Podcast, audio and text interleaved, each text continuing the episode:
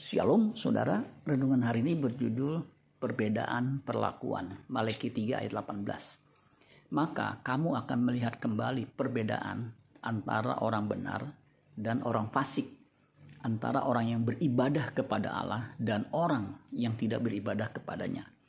Versi mudah dibaca mengatakan begini, Maleki 3 ayat 18, kamu berbalik lagi kepadaku dan kamu akan tahu perbedaan antara yang benar dan yang jahat, antara orang yang mengikut Allah dan yang tidak mengikut. Orang percaya diproyeksikan menjadi anak Allah yang berkenan kepada Allah Bapa. Sebenarnya hal ini sudah dinubuatkan oleh Nabi Maleki bahwa ada perbedaan antara orang yang benar dan orang jahat, antara orang yang mengikuti Tuhan dan yang tidak mengikut Tuhan. Orang yang mengikuti jejak Kristus pasti berbeda hidupnya 1 Petrus 2 ayat 21 sampai 22. Sebab untuk itulah kamu dipanggil karena Kristus pun telah menderita untuk kamu dan telah meninggalkan teladan bagimu supaya kamu mengikuti jejaknya. Ia tidak berbuat dosa dan tipu tidak ada dalam mulutnya. Pengikut Kristus disebut muridnya. Seorang murid pasti belajar agar ditingkatkan kualitas hidupnya sehingga sempurna seperti Bapa atau serupa dengan Kristus dan tidak serupa dengan dunia. Ada perbedaan perlakuan Allah yang signifikan antara orang yang setia melayani dan yang tidak setia melayani.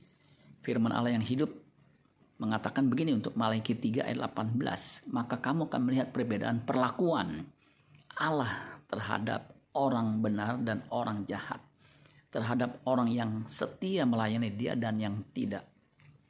Tuhan memperlakukan hamba yang setia melayaninya dengan yang tidak setia. Matius 25 ayat 21, 23 dan 26 30. Maka kata tuannya itu kepadanya, "Baik sekali perbuatanmu itu hai hambaku yang baik dan setia. Engkau telah setia dalam perkara kecil, aku akan memberikan kepadamu tanggung jawab dalam perkara yang besar." Masuklah dan turutlah dalam kebahagiaan Tuhanmu. Itu dikatakan kepada hamba yang punya lima talenta dan mengembangkannya.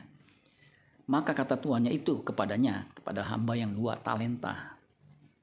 Baik sekali perbuatanmu itu, hai hambaku yang baik dan setia. Engkau telah setia memikul tanggung jawab dalam perkara yang kecil. Aku akan memberikan kepadamu tanggung jawab dalam perkara yang besar.